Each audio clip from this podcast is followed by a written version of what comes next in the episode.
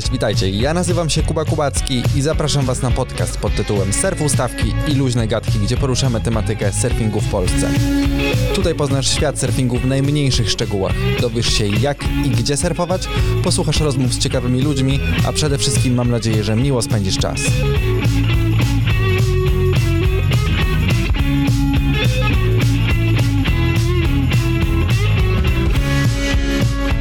Jeśli po przesłuchaniu tego odcinka stwierdzisz, że ta tematyka jest dla Ciebie, to koniecznie zasubskrybuj ten podcast, żeby być na bieżąco z kolejnymi odcinkami.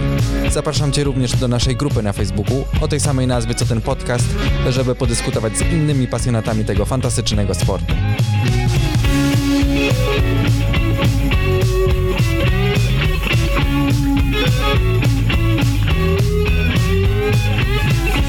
Ten dziesiąty odcinek będzie nieco inny niż zwykle, ponieważ dziś przed mikrofonem będę sam i poruszymy dwa tematy. Pierwszy, jak się już pewnie domyślacie po tytule tego nagrania, będzie o mojej ukochanej wyspie, czyli Fuerteventurze, na której byłem już trzy razy. W grudniu tego roku wybieram się po raz kolejny i chyba już mogę opowiedzieć Wam, jak wygląda sprawa surfingu na tej wyspie, co warto zobaczyć i jak przygotować się logistycznie do wakacji w tym miejscu. W odcinku wprowadzającym mówiłem wam, że zaczynając nagrywać ten podcast, nie mam pojęcia na co się pisze i jak to będzie wyglądało. Dlatego pod koniec tego odcinka dla zainteresowanych powiem wam, jakie są dalsze plany na ten podcast, co się będzie działo w najbliższych miesiącach. Ale zanim przejdziemy do głównego tematu, mam dla Was króciutką informację od sponsora. Przygotowałem dla Was promocję na niemalże cały asortyment mojego sklepu, a znajdziecie w nim przede wszystkim dwa ciekawe produkty, które przyjechały do mnie w zeszłym tygodniu i bardzo długo na nie czekałem, bo są świetnej jakości i przede wszystkim są super praktyczne. Pierwszy z nich to kremy przeciwsłoneczne francuskiej marki 71. Są to kremy w sztywcie, w 100% naturalne, bez żadnych substancji ropopochodnych, parabenów, alkoholu itd. Tak Sprzedaję i sam je używam już od dwóch lat. Niestety w tym roku dostawa przyjechała troszeczkę później ze względów wirusowych yy, i nie w pełnej kolorystyce, bo fabryka na ten sezon zrobiła tylko białe i bezbarwne, ale są to kremy z najwyższej półki, no i dzięki temu, że są w takich miarę neutralnych kolorach, są też na co dzień, nie tylko na wodę. Ja je szczególnie cenię za to, że są mega wydajne. Mimo, że producent pisze, że powinno się je zużyć w ciągu 9 miesięcy, ja już swój krem mam prawie od dwóch lat i działa tak samo rewelacyjnie i tak naprawdę dopiero teraz mi się kończy. Więc mimo, że jest malutka tubka, to naprawdę jest super wydajny. Poza tym aplikacja jest y, wygodna, bo nie trzeba brudzić sobie rąk. Ja jestem z tych, którzy nienawidzą kremów y, i dzięki temu, że jest on w sztywcie i w małym opakowaniu, latem zawsze mam go w kieszeni i w każdej chwili mogę go użyć. Pewnie część z Was już zna ten produkt, bo na Półwyspie był on dostępny przez kilka sezonów i jestem pewien, że zgodzicie się z tym, co powiedziałem. Dla mnie kolor bezbarwny jest idealny, więc jeżeli macie ochotę, to zapraszam do sklepu. Y, natomiast drugim produktem, w którym jestem zakochany od ponad pół roku, jest butelka na wodę marki Esbit, którą zawsze mam przy sobie, nawet teraz. Są to raczej jedne z droższych butelek, jakie widziałem, ale za to fantastyczne jakościowo, bo w końcu o to chodzi w tych butelkach wielorazowych, żeby nie wyrzucać ich co kilka tygodni, tylko żeby służyły jak najdłużej. Jakość wykonania jest rewelacyjna, całość ze stali nierdzewnej, korek co prawda z plastiku, ale za to super mocny i wytrzymały. Miałem kilka tańszych butelek i to właśnie korek jako pierwszy się wyrabiał i butelka była do wyrzucenia. Tutaj o tym nie ma, nie ma mowy. Naprawdę ma sporo fantastycznych rozwiązań i ktoś tworząc te butelki widać, że sam je używa. I zrobił to tak, żeby, żeby to było solidne i praktyczne. Na przykład taka błahostka jak gwint butelki. Tutaj ten gwint jest krótki i szybko można zakręcić i odkręcić butelkę. Może wydawać się to śmieszne, ale robiąc to kilkanaście razy dziennie, docenicie takie drobne rozwiązania. Miałem kiedyś butelkę właśnie z supermarketu i trwało to wieki, zanim odkręciłem korek, a później zakręciłem. Pomyślcie sobie, robicie to kilkanaście razy dziennie. Produkt jest naprawdę sprawdzony i w 100% się pod nim podpisuje. Z kodem rabatowym podcast macie 20% y, rabatu na moim sklepie www.henrypartners.pl. Praktycznie na wszystkie produkty w sklepie jest taki sam rabat, y, łącznie z breloczkami, zawieszkami i tak dalej. Może ktoś z Was potrzebuje takich produktów, jakie mam u siebie i przy okazji ma ochotę wesprzeć dalszy rozwój podcastu, bo to właśnie stąd biorą się fundusze na, na realizację kolejnych odcinków. Aha, kod jest ważny do końca września. Wszystkie informacje będą w opisie tego odcinka, więc nie musicie teraz nic zapisywać, na przykład jeśli jedziecie samochodem. Ale przechodząc do głównego tematu. Wyspa Fuerteventura. Dla tych, którzy może nie wiedzą, przedstawię kilka takich y, podstawowych faktów. Fuerteventura znajduje się na Wyspach Kanaryjskich oczywiście. Leci się tam około od 4,5 do 5 godzin, w zależności czy z wiatrem, czy pod wiatr, z którego miejsca w Polsce startujemy. Pan, jest to hiszpańska wyspa, więc, więc mówią tam głównie po hiszpańsku, ale po angielsku też raczej bez problemu się dogadacie. Na pewno w restauracjach, hotelach e, bez stresu z miejscowymi jest różnie. Niektórzy mówią po, po angielsku, niektórzy nie. Ale generalnie wszystko, co, co będziecie potrzebować załatwić na wakacjach, to na pewno dogadacie się e, po angielsku. E, waluta, w jakiej, jakiej tam używamy, to jest euro. O cenach na pewno jeszcze, jeszcze, jeszcze porozmawiamy. Panuje tam klimat e, dla mnie idealny, bo latem w takich okolicach lipiec, sierpień, wrzesień jestem od mniej więcej 23 do 32 e, stopni. Z, z taką temperaturą się spotkałem najwyższą, więc, więc jeżeli ktoś nie lubi upałów, a lubi jak jest po prostu przyjemnie ciepło, to, to, to na pewno e, polubi, polu, polubi to miejsce. W okresie zimowym od listopada, tak jak byłem, do końca grudnia, mniej więcej możemy się spodziewać temperatur 20, 25, 26 stopni, więc również cały czas jest tam po prostu ciepło. Deszczu raczej nie spotkamy, choć raz w grudniu e, popadało przez, przez jakieś 15 minut, więc, więc zdarzają się tam deszcze, ale raczej, raczej to nam nie grozi, że, że, że, że to popsuje nam wakacje. Natomiast jest tam dość duży wiatr, szczególnie latem, więc kitesurferzy, windsurferzy będą zadowoleni, natomiast ci, co pływają na surfingu, nie do końca. Dlatego jeżeli lecicie tam na surfing, to myślę, że lepszym wyborem będzie wybranie się tam w zimą zimą, jesienią, wczesną wiosną. Wtedy ten wiatr nie powinien aż tak bardzo nam dokuczać. Leci się tam około 4,5 godziny z Polski, więc jest to ogromnym plusem. Nie zdążymy się zmęczyć w tym samolocie, mimo że, e, że siatka połączeń jest tam głównie tanimi liniami. Mm, no właśnie, jak dostać się na tą wyspę? Najczęstszym połączeniem na wyspę to są samoloty tanich linii. Ryanair, Wizz Air lata tam regularnie, szczególnie zimą. Latem chyba też jakieś połączenia znajdziecie. Wiem, że teraz oczywiście sytuacja jest taka, a nie inna, więc niektóre połączenia zostały pokasowane.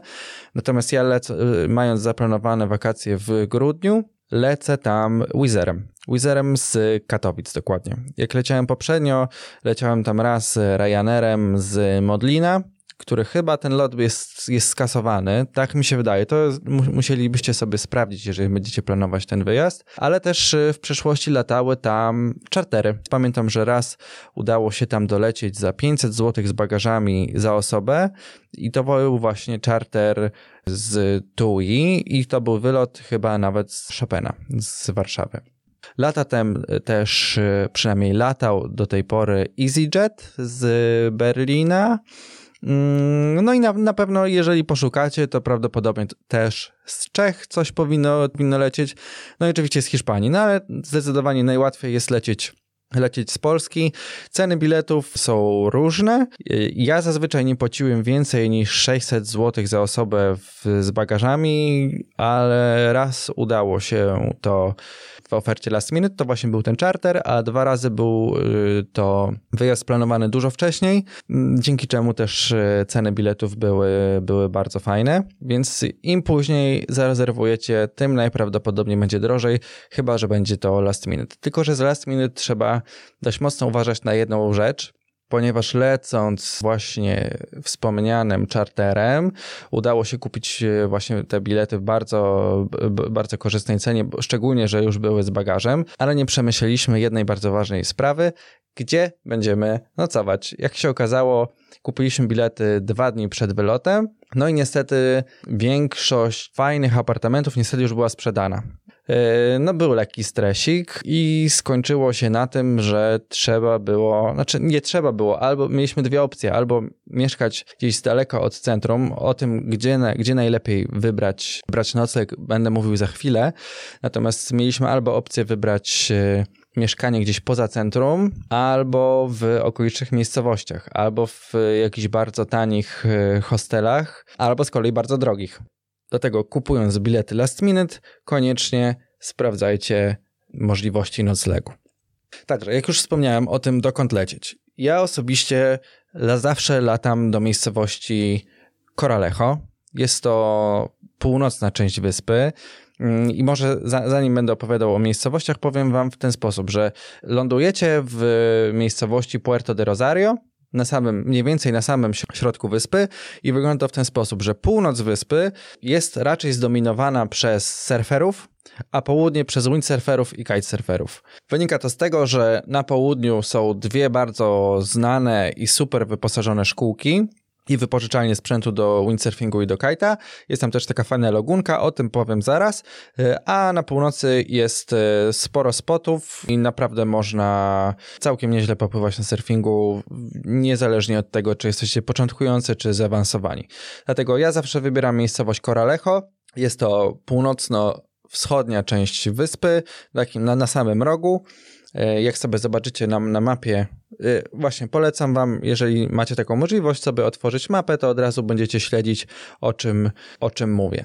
Coralejo można porównać do takiej miejscowości, którą na pewno większość z Was zna, czyli do Jastarni.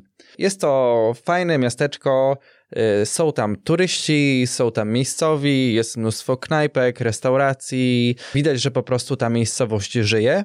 Natomiast wybierając y, tak naprawdę wszystkie inne miejscowości, no jest, jest dużo spokojniej. Tak, tak, tak przynajmniej zauważyłem, takie, takie, takie mam od, odczucia. Więc y, w 100% polecam wam Coralejo, bo po pływaniu na pewno wieczorami nie będziecie się nudzić. Jest tam mnóstwo możliwości. Można sobie pójść na plażę, posiedzieć y, na taką plażę miejską. Można pójść na plażę taką bardzo dużą, która się nazywa Grandes Playas de Coralejo. Można pochodzić sobie po sklepach, jeżeli ktoś ma ochotę. W 100% naprawdę mogę polecić śledzić to miejsce. Mm, następnie e, obok Coralejo mamy, mamy miejscowość, która się nazywa Lajares czytając po polsku Lajares. Jest to miejscowość, y, tak naprawdę, tak jak słyszałem od miejscowych, że jest to wioska surferska. I faktycznie tak jest. jest. Jest to mała miejscowość, jest tak naprawdę jeden sklep, kilka knajpek i tyle, ale jest tam jakiś taki urok. Tam się tworzą deski, y, tam znajdziemy shaperów. Jeżeli popsujemy deskę, to tam też zazwyczaj y, nas odeślą, żeby ją naprawić. Jest to taka wioska surferska, aczkolwiek wieczorami myślę, że może być tam nudnawo. No chyba, że spotkamy po prostu jakieś fajne towarzystwo i będziecie e, wspólnie spędzać czas. Kolejną taką bardzo popularną wioską jest e, Cotillo, po polsku Cotillo.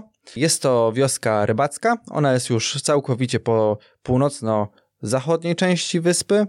Tam też raczej jest e, spokojnie. E, jest kilka hoteli, jest troszeczkę apartamentów na wynajem, są duże klify z, z plażami na dole. Turystycznie jest tam bardzo fajnie, ale znowu nie dzieje się tam zbyt, e, zbyt wiele i wieczorami może być nudno. Nawet słyszałem, śledzę takie polskie grupy na, na Facebooku i kilka razy się spotkałem z takimi wpisami, że ludzie byli zawiedzeni, że po prostu nudy szczególnie w tym okresie poza wysokim sezonem. Jest jeszcze pomiędzy, pomiędzy y, tak naprawdę na samym środku, jest taka miejscowość y, Majanicho po polsku, po hiszpańsku chyba się to czyta Ma, Mahanicho.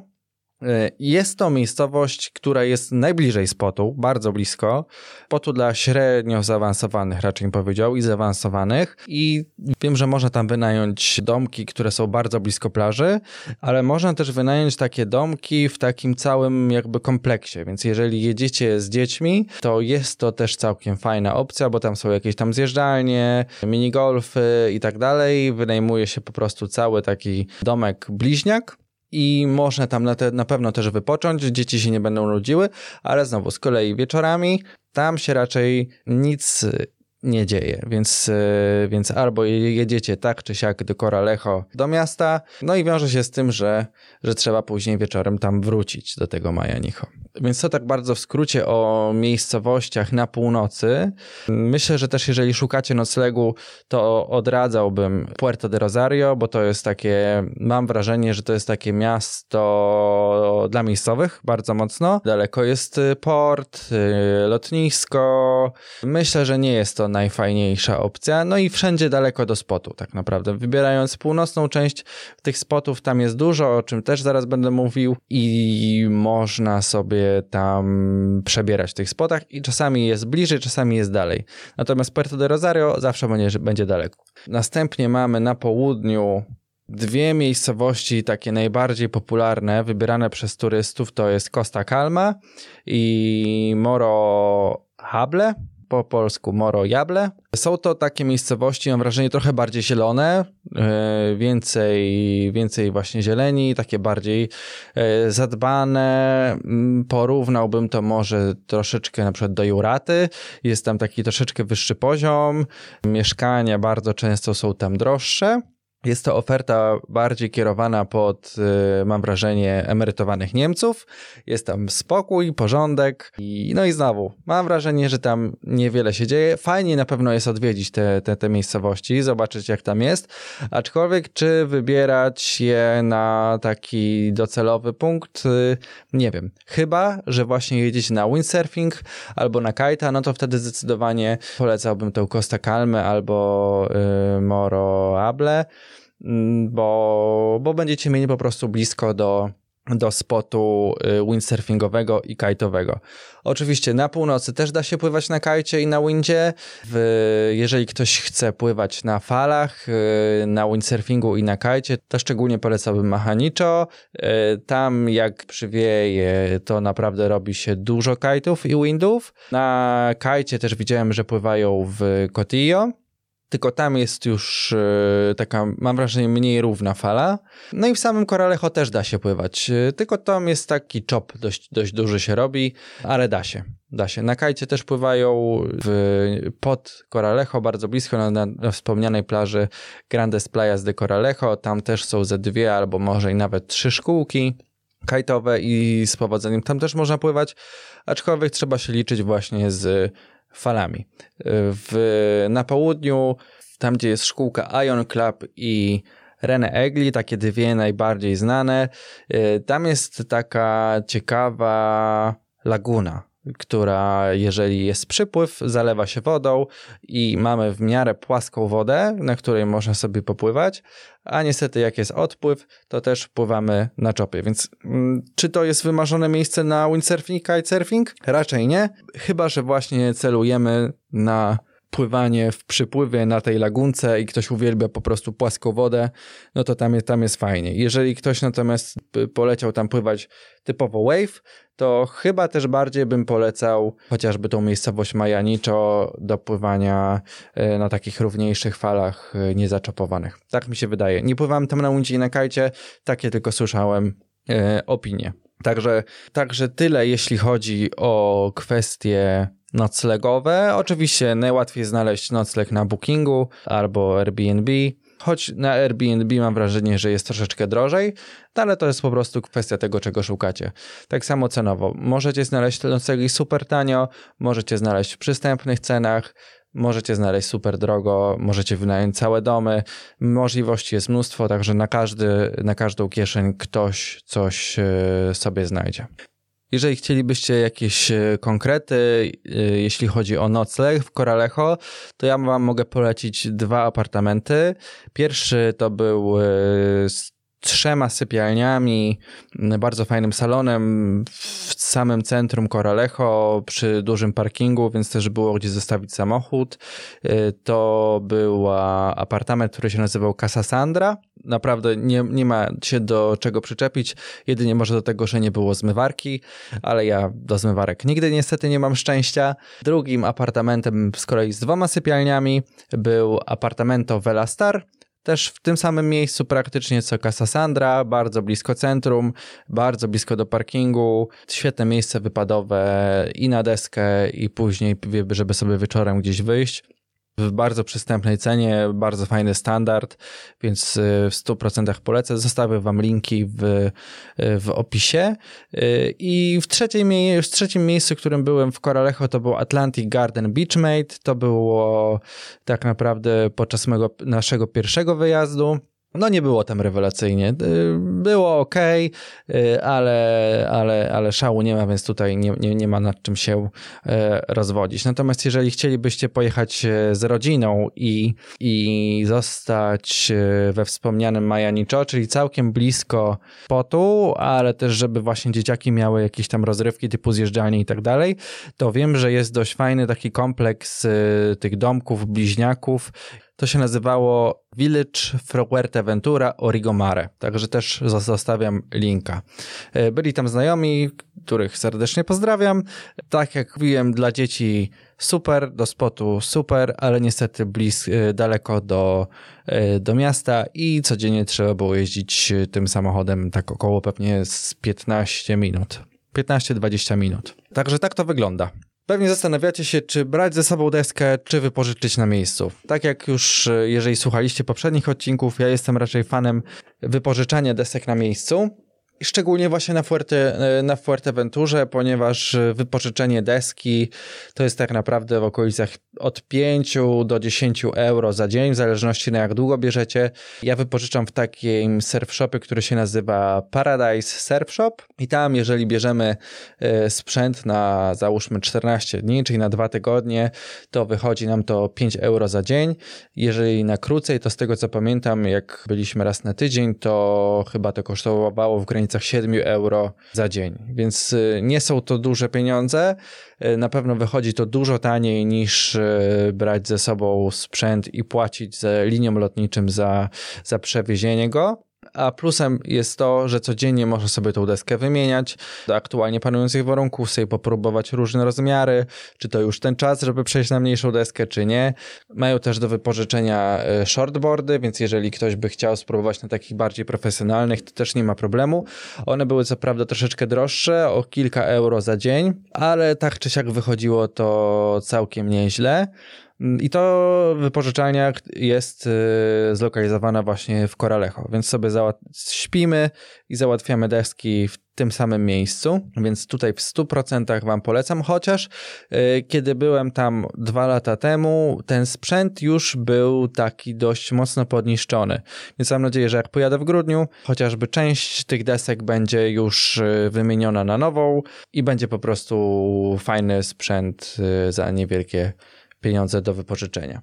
Jeżeli jesteście z kolei w Cotillo, w 100% mogę Wam polecić taką wypożyczalnię, która się nazywa Shockwave Surf School Cotillo, prowadzona przez, e, przez bardzo sympatycznych ludzi. Sprzęt też bardzo, bardzo fajny. Oni z tego co pamiętam mieli deski e, NSP i torki, e, oczywiście też deski piankowe, więc jest z czym wybierać.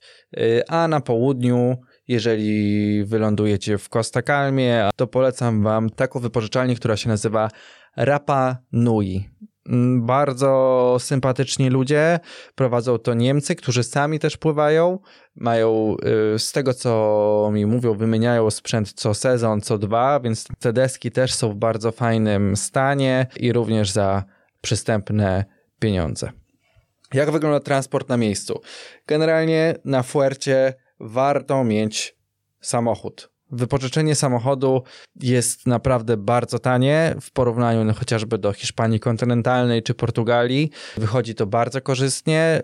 Dla przykładu, konkretnie mówiąc, y, najtańszy samochód, czyli Fiat Panda albo podobny, wypożyczenie na dwa tygodnie to jest 150 euro na tydzień to jest 90 euro. Jeżeli chcemy troszeczkę podnieść klasę tego samochodu, czy mieć po prostu troszeczkę większy, y, to jest to w granicach 170 euro za dwa tygodnie, za na przykład takiego Peugeota czteroosobowego, więc naprawdę to nie są duże pieniądze, a niestety w, na Puercie trzeba się przemieszczać samochodem na spoty. Chyba, że podróżujemy ze szkółką, bo to też jest dość fajna alternatywa, że zapisujemy się do szkółki, i jeździmy razem z nimi po spotach, oni wtedy nam e, najlepiej wybiorą, tak, spoty do aktualnie panujących warunków, więc to też jest jakieś, jakieś rozwiązanie. To, co warto powiedzieć, e, mogę wam polecić e, trzy wypożyczalnie, które mam sprawdzone, gdzie nie trzeba mieć karty kredytowej, co też jest bardzo ważne, bo wiadomo, że wtedy wam nie doliczą za, za nieumycie samochodu, za trochę piachu w środku i tak dalej, więc yy, pierwsza z nich to jest Plus Car, plus Car Fuerteventura. Warto tam rezerwować e, szybciej, bo te auta naprawdę szybko znikają. E, drugą wypożyczalnią jest Payless Car. W przypadku plusa e, płacicie na miejscu. W przypadku Payless Car możecie zapłacić albo na miejscu, albo online. Ściągnie wam z karty, ale to nie musi być koniecznie kredytowa. A trzecia wypożyczalnia to był Właśnie nie pamiętam do końca nazwy. Ryzen Car, taka jakaś niemiecka, taka z zielonym logo, z tego co kojarzę. Yy, I tam też nie potrzeba było kart kredytowych ale jest ona najdroższa z tych trzech. Ja miałem tą przyjemność skorzystać z tej trzeciej wtedy, kiedy oszukała mnie inna wypożyczalnia, o której nie chce mi się nawet mówić, więc w 100% mogę wam polecić te, te trzy wypożyczalnie i tam naprawdę mają bardzo duży wybór od małych do dużych samochodów i tak dalej. Na co warto zwrócić uwagę, e, jeżeli wypożyczamy samochód, to też to, po jakich drogach będziemy jeździć? Generalnie, jeżeli chcemy jeździć do spotów, to najprawdopodobniej będziemy jeździć po nieutwardzonych drogach, gdzie nie działa ubezpieczenie. I w tym przypadku możemy zabezpieczyć się w ten sposób, że wybierzemy samochód, który ma napęd 4x4 i wtedy to ubezpieczenie zaczyna działać, albo będziemy jeździć e, na takim półlegalu. Generalnie nigdy nic złego mi się nie przytrafiło na takich drogach nieutwardzonych, bo to są generalnie normalne drogi, tylko że nie ma na nich asfaltu. Ten, ten piach jest tam dość mocno, e, czy ten shooter jest, jest dość mocno ubity, więc jedzie się normalnie. Oczywiście nie pędzi się tam 50-60 na godzinę, tylko bardziej się jedzie 20-30, bo czasami jakieś tam kamloty wystają, e, więc trzeba zachować szczególną uwagę, ale jeżeli się obawiacie takich dróg, to warto sobie wziąć samochód 4x4, chociażby chyba jest e, Panda 4x4, która nie jest dużo droższa, e, a będziecie mieli święty spokój. Jeśli chodzi o ceny paliwa, to jest tam taniej niż w Polsce. Niewiele, ale troszeczkę taniej, więc to też y, jakby nie ma, nie ma z tym problemu. To, na co trzeba uważać, to na pewno na fotoradary. Przychodzą listy do Polski, sprawdzone to na własnej, y, na własnej skórze. Y, przekroczenie około jeśli dobrze pamiętam, około 5 km na godzinę kosztowało mnie 100 euro. Zapłaciłem ten mandat, bo wiedziałem, że będę wracał na pewno na tą wyspę, więc żeby mieć święty spokój, mm, przelew poszedł. Natomiast trzeba zwracać na to uwagę. No i na parkingi. E, generalnie z tego co kojarzę, to wszędzie parkingi są darmowe, ale nie wolno stawać na żółtych polach. Są to miejsca przeznaczone na dostawy do różnych sklepów, przede wszystkim na dostawy do różnych sklepów i jeżeli tam postawicie, to odholują wam najprawdopodobniej samochód, który będzie trzeba odbierać z parkingu policyjnego za odpowiednią opłatą, więc na to szczególnie należy uważać. Oczywiście prawo jazdy działa yy, nasze polskie, więc yy, również z tym nie ma problemu. No i jak mamy takie ogólne rzeczy w miarę omówione, to może powiem Wam trochę na temat spotów. Yy, generalnie na wyspie warto sprawdzać sobie prognozę na stronie Magic Seaweed. Raczej dobrze znana stronka, czy też aplikacja. Działa to na całym świecie, natomiast na Fuercie y, sprawdza się to bardzo dobrze. Też oczywiście link będzie w opisie. Na tej stronie znajdziecie około 30 spotów na, na samej Fuercie, więc naprawdę jest tego sporo. Myślę, że nie wszystkie spoty są zaznaczone. Na pewno nie jest zaznaczony jeden, o którym wiem, a który jest bardzo fajny ale tych spotów jest bardzo dużo i może będę po prostu wam opowiadał o tych spotach, na których byłem, żeby nie, żeby nie wymyślać. Będę wam mówił o tym, jakie warunki spotkałem, jak, jak tam byłem, więc być może ktoś się nie będzie zgadzał z tymi opiniami, bo po prostu był w innym okresie. Natomiast tak, jeżeli jesteście osobami początkującymi, kompletnie od zera, to myślę, że jednym z takich najpopularniejszych spotów i wybieranych najczęściej przez y, szkółki to spot w El Cotillo na zachodzie, na północnym zachodzie wyspy.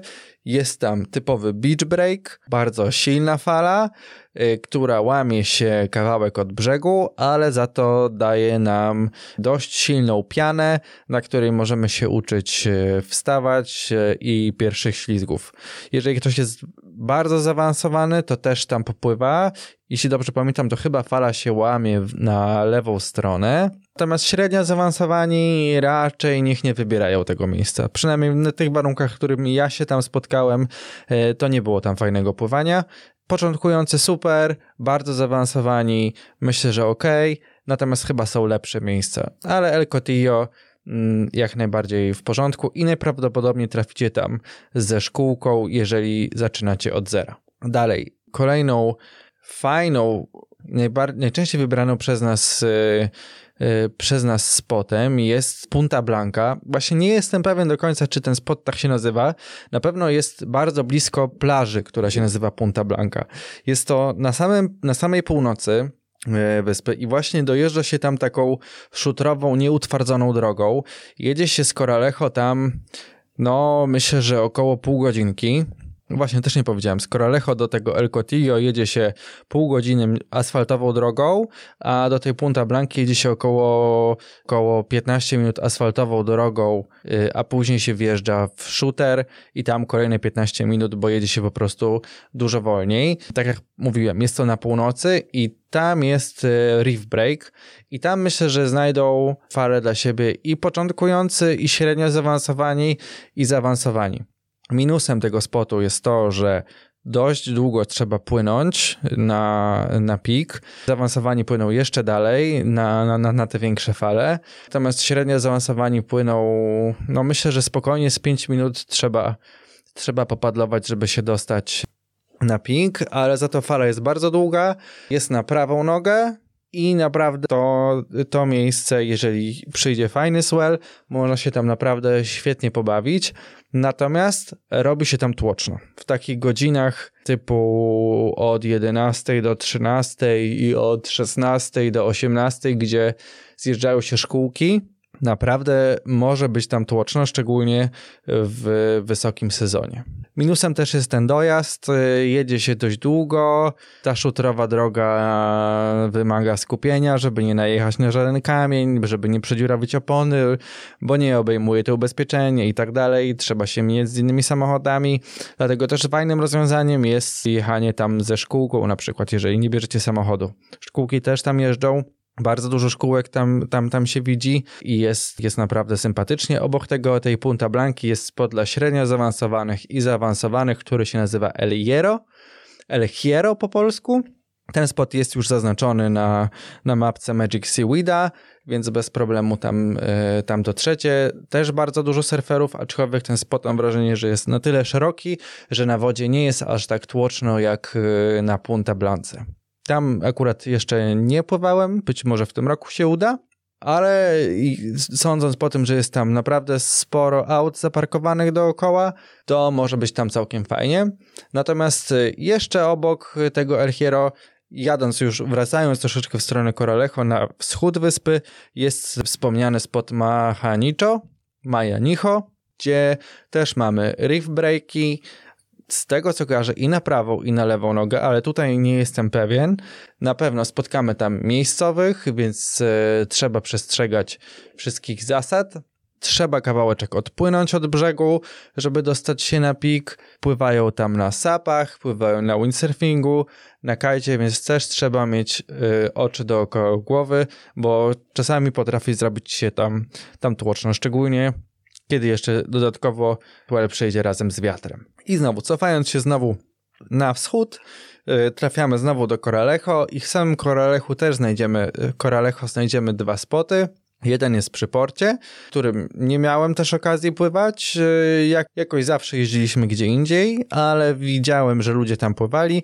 Raczej to będzie spot dla średnio zaawansowanych i zaawansowanych. Więc jeżeli mamy na tyle szczęścia, to, to powinno też się udać popływać e, w samym Coralejo. Natomiast mój ulubiony spot, na którym pływałem tylko raz, tylko raz był tam warun, który się nazywa Flag Beach. Jest on po, mocno po wschodniej stronie. Chodzi się na niego przez y, plażę, te Grandes Playas Coralejo. Niestety idzie się tam dość długo po piasku, więc y, trzeba pamiętać, żeby wziąć wszystko ze sobą z samochodu, żeby nie trzeba było wracać. Natomiast pominam ten spot bardzo fajnie. No po prostu pływanie, pływanie genialne, podłoże bez kamieni, chociaż były tam jakieś takie dziwne płyty, płyty na dnie, na których można było sobie rozciąć stopę, ale generalnie super i przede wszystkim bardzo blisko do miasta, więc, więc, więc jak najbardziej na plus. No niestety ten warun tam zdarza się dość rzadko. Także sami widzicie, byłem tam trzy razy, zwiedziłem zaledwie pięć spotów, a jeszcze jest 31 pozostałych nieodkrytych więc y, może w tym, y, w tym roku nadrobię. Na pewno znajdziecie bardzo dużo informacji na, na, na temat spotów w internecie, może na grupie coś ktoś pod, pod, podpowiada, opowie co i jak, natomiast te, które wymieniłem są najbardziej popularne, działają najczęściej. E, generalnie miejscowi w szkółkach mówią, e, że na Fuercie zawsze gdzieś jest fala, czy to na północy, czy na wschodzie, zachodzie, na południu, zawsze z której strony wyspy ta fala jest, aż ta wyspa nie jest na tyle duża, żeby nie dało się e, jej całej objechać, bo z północy na południe jedzie się mniej więcej od godziny 10 do pewnie godziny 40 w zależności od, od natężenia ruchu, więc da się, jeżeli się zaplanuje dzień wcześniej, da się pojechać naprawdę na, na, na, wiele, na wiele spotów i poodkrywać troszeczkę tą wyspę bardziej dokładnie. No i to jest chyba ten, ta ogromna zaleta, że jeżeli pojedziemy, to pływanie mamy gwarantowane. Na mniejszych bądź większych falach, ale ta fala gdzieś jest. Znam też opinie takich ludzi, którzy, którym się zupełnie nie podobała Fuerta, e, bo nie trafili właśnie albo na dobry spot, albo nie byli w odpowiednim miejscu w odpowiednim czasie, więc e, ta wiedza taka lokalesów jest też bardzo, bardzo ważna i warto się zaprzyjaźnić z kimś, chociażby w wypożyczalni, gdzie wypożyczamy deskę, a zdarzają się też wypożyczalni, gdzie nie chcą mówić, gdzie, gdzie pływać. Tak też się zdarzyło, więc to jest kolejny plus, dlaczego warto wypożyczać sprzęt y, na miejscu, a nie brać go ze sobą, bo właśnie chociażby dlatego, że się zaprzyjaźnimy z, z jakąś szkółką, z jakimiś lokalesami i będzie można, będzie można od nich dostać jakieś porady, gdzie jechać. Na Fuercie znajdziemy tak naprawdę też każdy rodzaj fali, czy reef breaki, czy beach breaki, na lewą stronę, na prawą stronę, A-frame'y, więc y, każdy powinien znaleźć coś dla siebie. Jeżeli zostajemy na dwa tygodnie, to raczej trafimy. Jeżeli przejeżdżamy na tydzień, możemy mieć pecha i, i nie trafić na jakieś wymarzone warunki, ale generalnie myślę, że to pływanie na Fuercie jest gwarantowane y, niezależnie też od pory roku jak to zazwyczaj bywa, nie tylko pływaniem człowiek żyje, też trzeba robić coś e, poza pływaniem, wieczorami.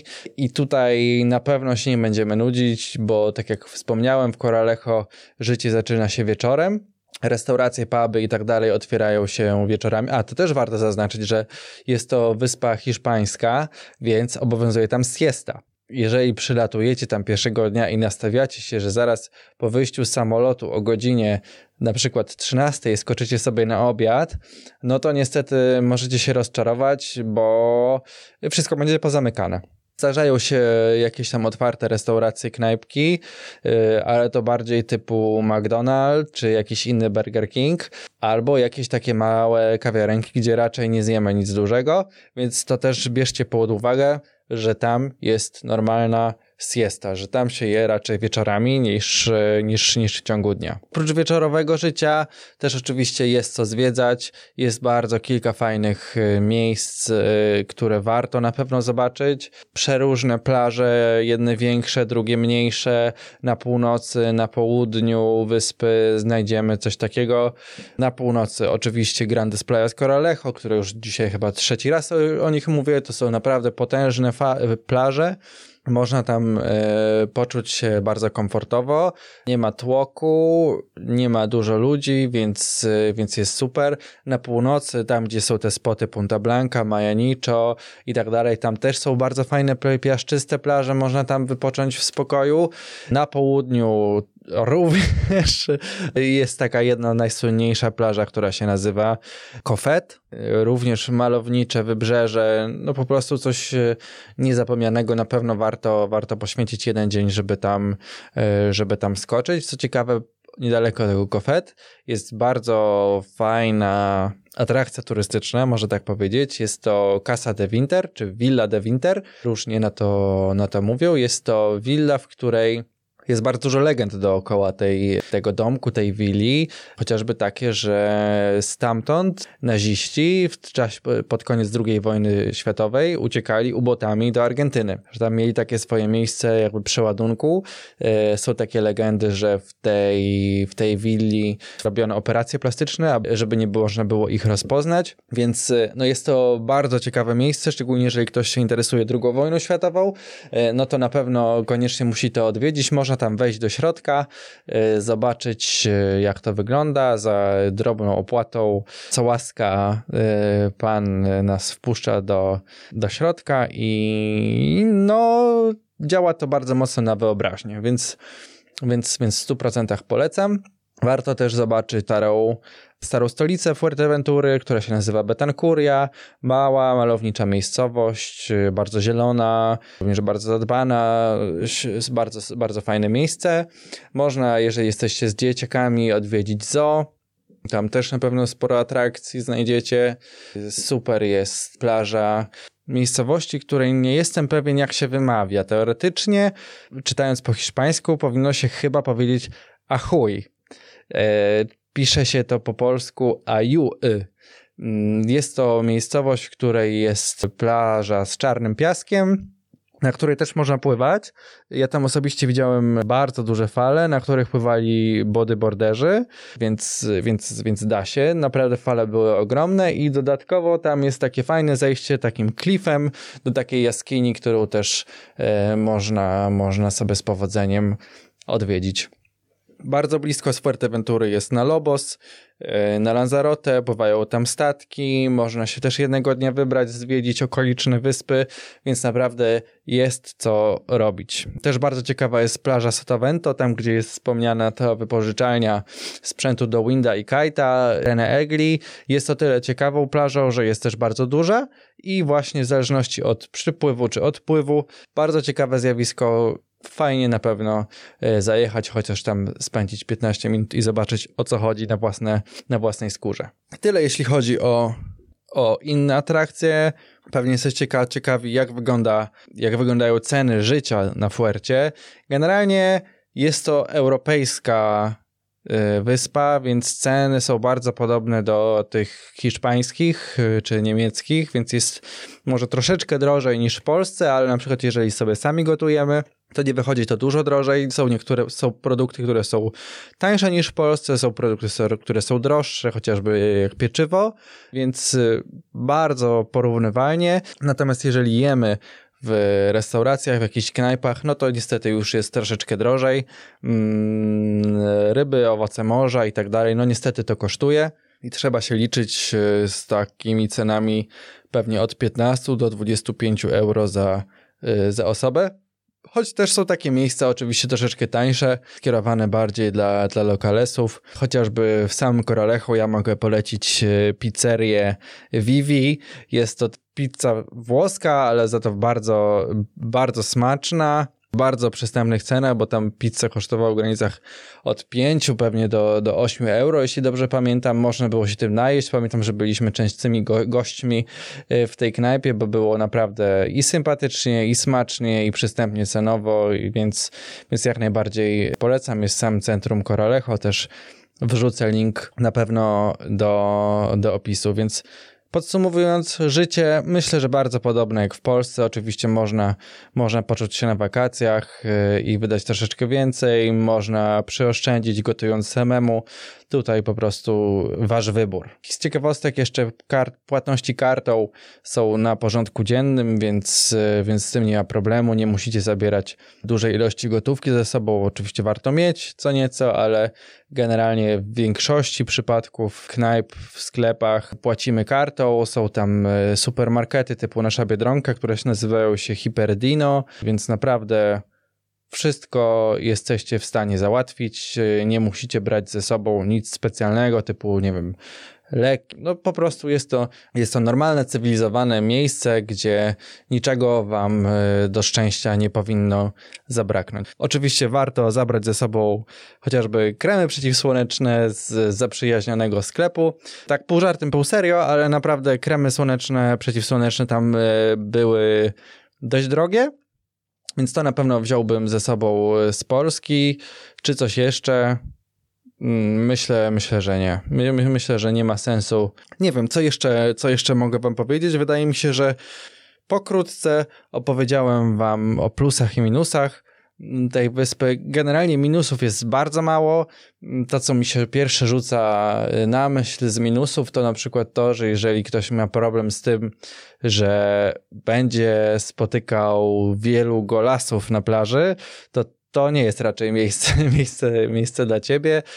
Większość tych plaż tak naprawdę to są plaże, plaże nudystów i można tam e, chodzić bez ubrań, więc jeżeli to by cię krępowało w jakiś sposób, to może, to może Fuerteventura nie jest e, idealnym miejscem. A poza tym no same plusy, same plusy. Przynajmniej dla mnie. Ja sobie właśnie cenię przede wszystkim to, że jest blisko, nie trzeba lecieć przez, e, przez dwa dni do tego miejsca, że jest e, bardzo europejsko, czuję się jak w domu. Wszystko, co potrzebuję, jestem w stanie załatwić, jestem w stanie dogadać się po angielsku. Jest mnóstwo fajnych spotów, yy, można tam uprawiać przeróżne sporty. O właśnie, jeszcze nie wspomniałem, jeżeli ktoś jest zapalonym kolarzem, to, to na pewno tam też się odnajdzie, bo bardzo dużo osób przyjeżdża tam swoimi, ze swoimi rowerami i jeżdżą na kolażówkach, trenują, bo też ten asfalt jest świetny, pogoda jest idealna, bo właśnie tak jak wspomniałem, 20-25 stopni, nie za ciepło, yy, nie za zimno, więc sam raz też do do takiego typu sportu. Jeżeli chcielibyście się dowiedzieć więcej o Fuercie, o Fuercie, na pewno znajdziecie przede wszystkim bardzo dużo informacji w internecie. E, a jeżeli chcecie, chcielibyście zadać jakieś konkretne pytania, są też grupy na Facebooku, e, chociażby taka jak Polacy na Fuerteventura, e, gdzie są, jak sama nazwa wskazuje, Polacy i doradzają podpowiadają sobie w różnych tematach. Może niekoniecznie jest to grupa dla turystów, ale gdzieś tam na pewno w wyszukiwarce znajdziecie to, to czego chcielibyście się dowiedzieć. Także jeżeli mielibyście jakieś pytania, to albo odsyłam was do internetu, do innych grup na Facebooku, albo możecie śmiało zadawać pytania na grupie Surfustawki. Ja wam chętnie podpowiem. Wiem, że też bardzo dużo osób z grupy często odwiedza Fuerteventurę, niektórzy tam mieszkają, mają domy, zostają tam na trochę dłużej niż na dwa tygodnie, także wyspa jest, e, jest już znana, dość mocno odkryta, także, także śmiało zadawajcie, zadawajcie pytania. A tymczasem, e, tak jak obiecałem, mam jeszcze drugi temat do obgadania. E, chodzi tutaj o przyszłość podcastu. Jak pewnie zauważyliście, aktualnie odcinki wychodzą co dwa tygodnie, każdą niedzielę. No i niestety to ulegnie drobnej zmianie, ponieważ przez ten okres wakacyjny będę wypuszczał odcinki trochę rzadziej. Na ile rzadziej, tego nie wiem, ale przyczyny są dwie. W okresie wakacyjnym w okresie wakacyjnym y, jest dużo mniej, mam wrażenie, czasu na zrobienie takiego, takiego odcinka. Jak mówiłem, zabierając się za to, ja nie za bardzo wiedziałem, z czym to się je. Po 10 wyprodukowanych odcinkach już y, wiem dokładnie z czym to się je i dla przykładu, na przykład taki odcinek godzinny, półtorej godzinny, e, taki proces produkcji od A do Z zajmuje około od 8 do 12, 13 godzin nawet. Więc e, ja traktując to bardzo hobbystycznie, zabiera mi to dość dużo wolnego czasu, a szczególnie w tym okresie wakacyjnym, bo zaraz będą jakieś wyjazdy i tak dalej, więc e, bardzo ciężko byłoby mi zrobić tak, żeby te odcinki cały czas wychodziły co dwa tygodnie. Nie dziwię się, dlaczego na przykład serie różne telewizyjne zazwyczaj mają przerwę wakacyjną. Pewno wrócimy z podcastem. Także jest to ostatni odcinek, który wychodzi co dwa tygodnie. Miałem takie założenie właśnie, żeby zrobić minimum 10 odcinków puszczanych regularnie I tak też się stało. Udało mi się do, dotrzymać takiego mojego osobistego celu. Za, bardzo się cieszę. Bardzo dziękuję wszystkim, którzy wystąpili w tym odcinku. No i też właśnie chociażby w takim okresie wakacyjnym trudniej jest się grać, zgrać z różnymi gośćmi, żeby, e, żeby nagrać odcinek. Tutaj ktoś wyjeżdża, tutaj ja wyjeżdżam. W tym tygodniu nie mogę, w tym tygodniu też. Także mam kilka odcinków zaplanowanych, o czym chciałbym nagrać. Mam kilku gości, którzy, którzy, którzy są chętni wystąpić, ale po prostu czasami nie zgrywamy się czasowo i musimy odkładać te odcinki mm, na przyszłość. Dlatego być może odcinki będą nagrywane nawet w wakacje, ale najprawdopodobniej premiera ich będzie po wakacjach, tak jak wraca po prostu wszystko do normy. A tymczasem zapraszam Was do przesłuchania y, poprzednich odcinków. Być może któryś Wam umknął. Mm, takim najpopularniejszym odcinkiem, najczęściej słuchanym, przynajmniej y, w statystykach, jest y, to, gdzie surfować w okolicach Trójmiasta. Nie wiem, czy to wynika z tego, że to był pierwszy odcinek i jest najdłużej dostępny, czy więc najwięcej osób się interesuje Trójmiastem, czy tak dobrze Wam się słucha Filipa. Natomiast to był odcinek najpopularniejszy i tu na pewno w szczegółach dowiecie się, gdzie surfować w okolicach Trójmiasta. W drugim odcinku e, wystąpił Adam, gdzie opowiadaliśmy o tym, jak dobrać deskę surfingową, na co uważać, co zrobić, żeby się nie przestrzelić e, ze swoimi umiejętnościami. Bardzo cenny odcinek. W trzecim odcinku rozmawialiśmy z Krzyśkiem e, na temat nauczania surfingu, o bezpieczeństwie, co jest bardzo istotne, szczególnie na naszym Bałtyku, wbrew pozorom, bo tych y, osób chętnych do uprawiania tego sportu jest coraz więcej.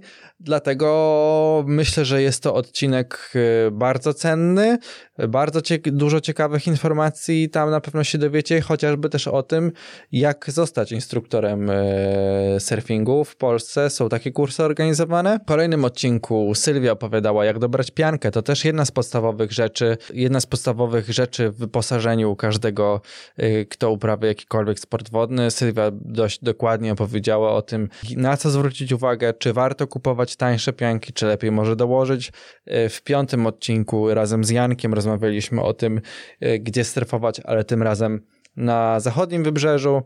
W szóstym odcinku z Przemkiem rozmawialiśmy na temat najczęściej zadawanych pytań e, na grupie Surf Ustawki. Myślę, że jeżeli macie jakieś pytanie, mm, to najprawdopodobniej znajdziecie tam odpowiedź. Mm, w siódmym odcinku razem z Tomkiem rozmawialiśmy o deskach sub. Może nie tylko kręci was surfing, ale również chcielibyście spróbować czegoś podobnego. Warto przesłuchać ten odcinek ósmym odcinku rozmawiałem z Bartkiem, e, trenerem person personalnym, w jaki sposób możemy się przygotować do sezonu, czy do, do każdego zejścia, czy się rozciągać, czy się nie rozciągać. Też bardzo cenny odcinek w dziewiątym e, razem z Kasią. W najnowszym odcinku e, rozmawialiśmy o tym, jak podróżować kamperem. Jest to super alternatywa do aktualnie zawieszonych, e, bardziej problematycznych podróży samolotem, więc e, tutaj Kasia też zdradziła kilka fajnych lifehacków, e, które można wykorzystać w podróży kamperem. Może ktoś w tym roku planuje właśnie takiego typu wakacje. Także serdecznie Wam dziękuję za te 10 odcinków, e, za to, że słuchacie, że jesteście i do usłyszenia wkrótce. Być może Was zaskoczę jakimś odcinkiem wakacyjnym, ale po prostu nie chcę nic obiecywać. Na pewno usłyszymy się po wakacjach ja tymczasem bardzo Wam dziękuję jeszcze raz i do usłyszenia wkrótce. Cześć!